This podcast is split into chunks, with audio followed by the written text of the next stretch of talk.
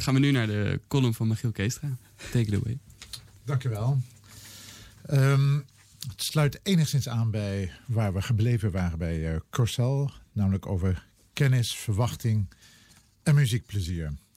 Hoe hangen kunst en esthetisch plezier aan de ene kant en kennis en informatieverwerking door ons brein aan de andere kant nu eigenlijk samen?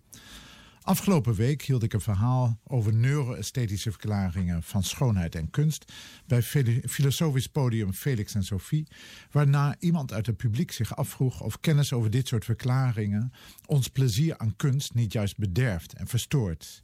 En inderdaad, je zou kunnen denken dat kunstervaring toch vooral een kwestie van zintuigelijkheid is, van waarneming. Een schilderij zien we, een muziekstuk beluisteren we, een theaterstuk maken we mee. Steeds zonder dat er ogenschijnlijk een beroep op onze kennis gedaan wordt. Vaak wordt er wel kennis over zo'n werk beschikbaar gesteld, bijvoorbeeld in de vorm van toelichtingen bij een theaterprogramma of een bordje naast een schilderij in het museum. Je kunt de mensheid misschien wel opdelen in twee groepen. Namelijk zij die dergelijke beschikbare toelichtingen gretig lezen, soms zelfs nog voordat ze het schilderij goed bekeken hebben of het muziekstuk hebben horen spelen.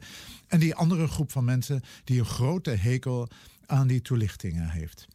Mensen uit die laatste groep zijn ervan bang dat kennis een barrière gaat vormen tussen henzelf en het kunstwerk, dat hij hun waarneming te veel stuurt en beperkt. Laten we deze twee groepen de informatiezuchtige en de naïvelingen noemen. Ik wil proberen om de strijd tussen deze groepen hier en nu te beslechten door een pleidooi te doen voor geïnformeerd naïeve esthetische waarneming. Daartoe zal ik eerst de naïeve positie ondermijden. De positie die ervan uitgaat dat er zoiets bestaat als een directe en onmiddellijke, zelfs onbemiddelde waarneming, die niet gehinderd of gestuurd wordt door kennis en informatie. Terzijde, voor de filosofisch angehauchten onder u, dit idee van een directe waarneming werd door denkers in het Duitse idealisme, zoals Fichte, Hegel en Schelling, wel aangeduid als onmittelbare aanschouwing. En zij verschilden daarover ook heftig van mening, of het wel bestond en wat de relevantie ervan was. Goed, terug naar uh, ons gesprek. Allerlei mensen denken dus dat alleen deze onmiddellijke waarneming de echte en authentieke is. Aan hen en natuurlijk ook voor alle andere luisteraars laat ik nu graag een stukje muziek horen.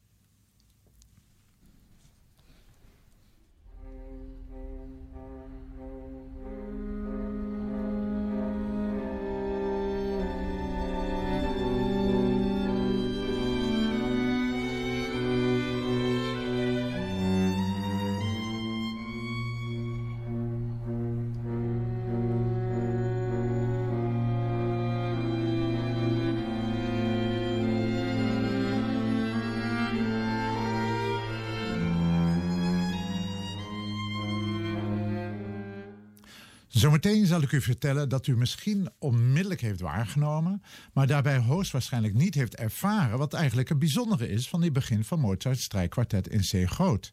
Maar eerst wat achtergrond daarbij. Wij ervaren allemaal wel regelmatig dat er een verschil is tussen wat we waarnemen als we vertrouwd zijn met een bepaald object of wanneer we het voor het eerst ontmoeten. Als je iets voor het eerst ziet of hoort, dan duurt het soms even voordat je goed doorhebt wat het is, terwijl je bij de tweede keer, als je iets vertrouwder bent met het beeld of met de klanken, een soort feest van de herkenning hebt en doorhebt wat je waarneemt. Bij het waarnemen van zintuigelijke prikkels is ons brein namelijk continu en fervent bezig om patronen te herkennen in de stimulus. En daarbij passende patronen te reconstrueren eh, op basis van de eerder opgeslagen patronen en schema's. Dergelijke opgeslagen informatiestructuren zijn meestal samengesteld uit beelden, erbij passende emoties en betekenissen. En die structuren zijn ook weer geassocieerd met allerlei aanverwante informatiestructuren.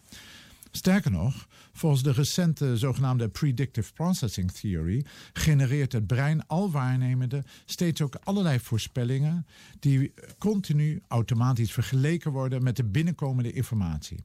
Waarnemingen verwerken aan de hand van dergelijke voorspellingen blijkt namelijk ook veel efficiënter te zijn dan steeds die binnenkomende stimuli te verwerken alsof je nergens van weet.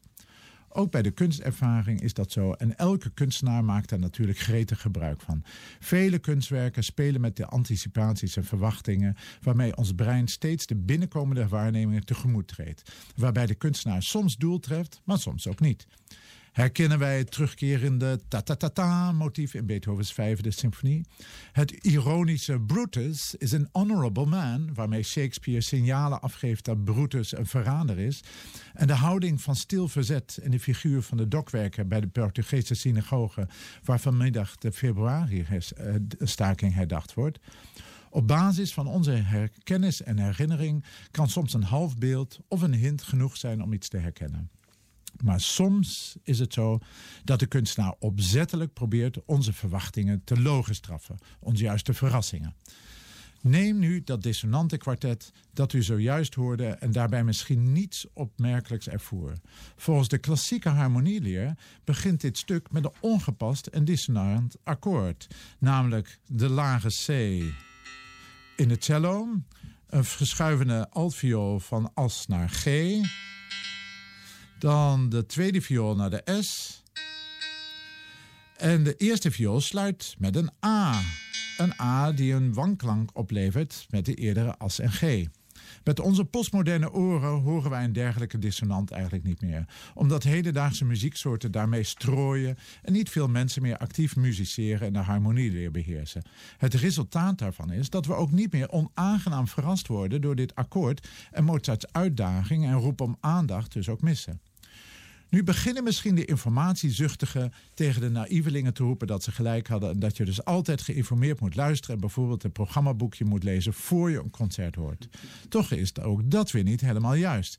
Helaas is het tegen beide posities namelijk iets in te brengen.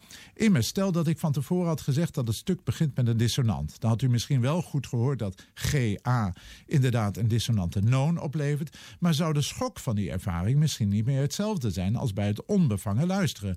De emotionele lading ervan zou toch wellicht minder zijn na zo'n voorbereiding. Eigenlijk zou mijn onthulling ook als een spoiler fungeren. Wat nu te doen? De naïveling valt de dissonant niet meer op, terwijl de informatiezuchtige postmoderne luisteraar niet meer onaangenaam verrast wordt door Mozarts ongebruikelijke wanklank. Zijn beide posities er dus even slecht aan toe en is er dan helemaal geen oplossing voor dit dilemma? Deze paradox is kunstenaars natuurlijk niet onbekend. En daarom proberen zij kunstwerken te maken die bij nader inzien en bij herbeluisteren ons nog eens en vooral met weer een andere betekenis raken. Bovendien kunnen wij als kunstliefhebber ook ervaring krijgen en hoe we toch een zekere onbevangenheid kunnen aannemen, ons als een geoefende, een geïnformeerde naïveling opstellen.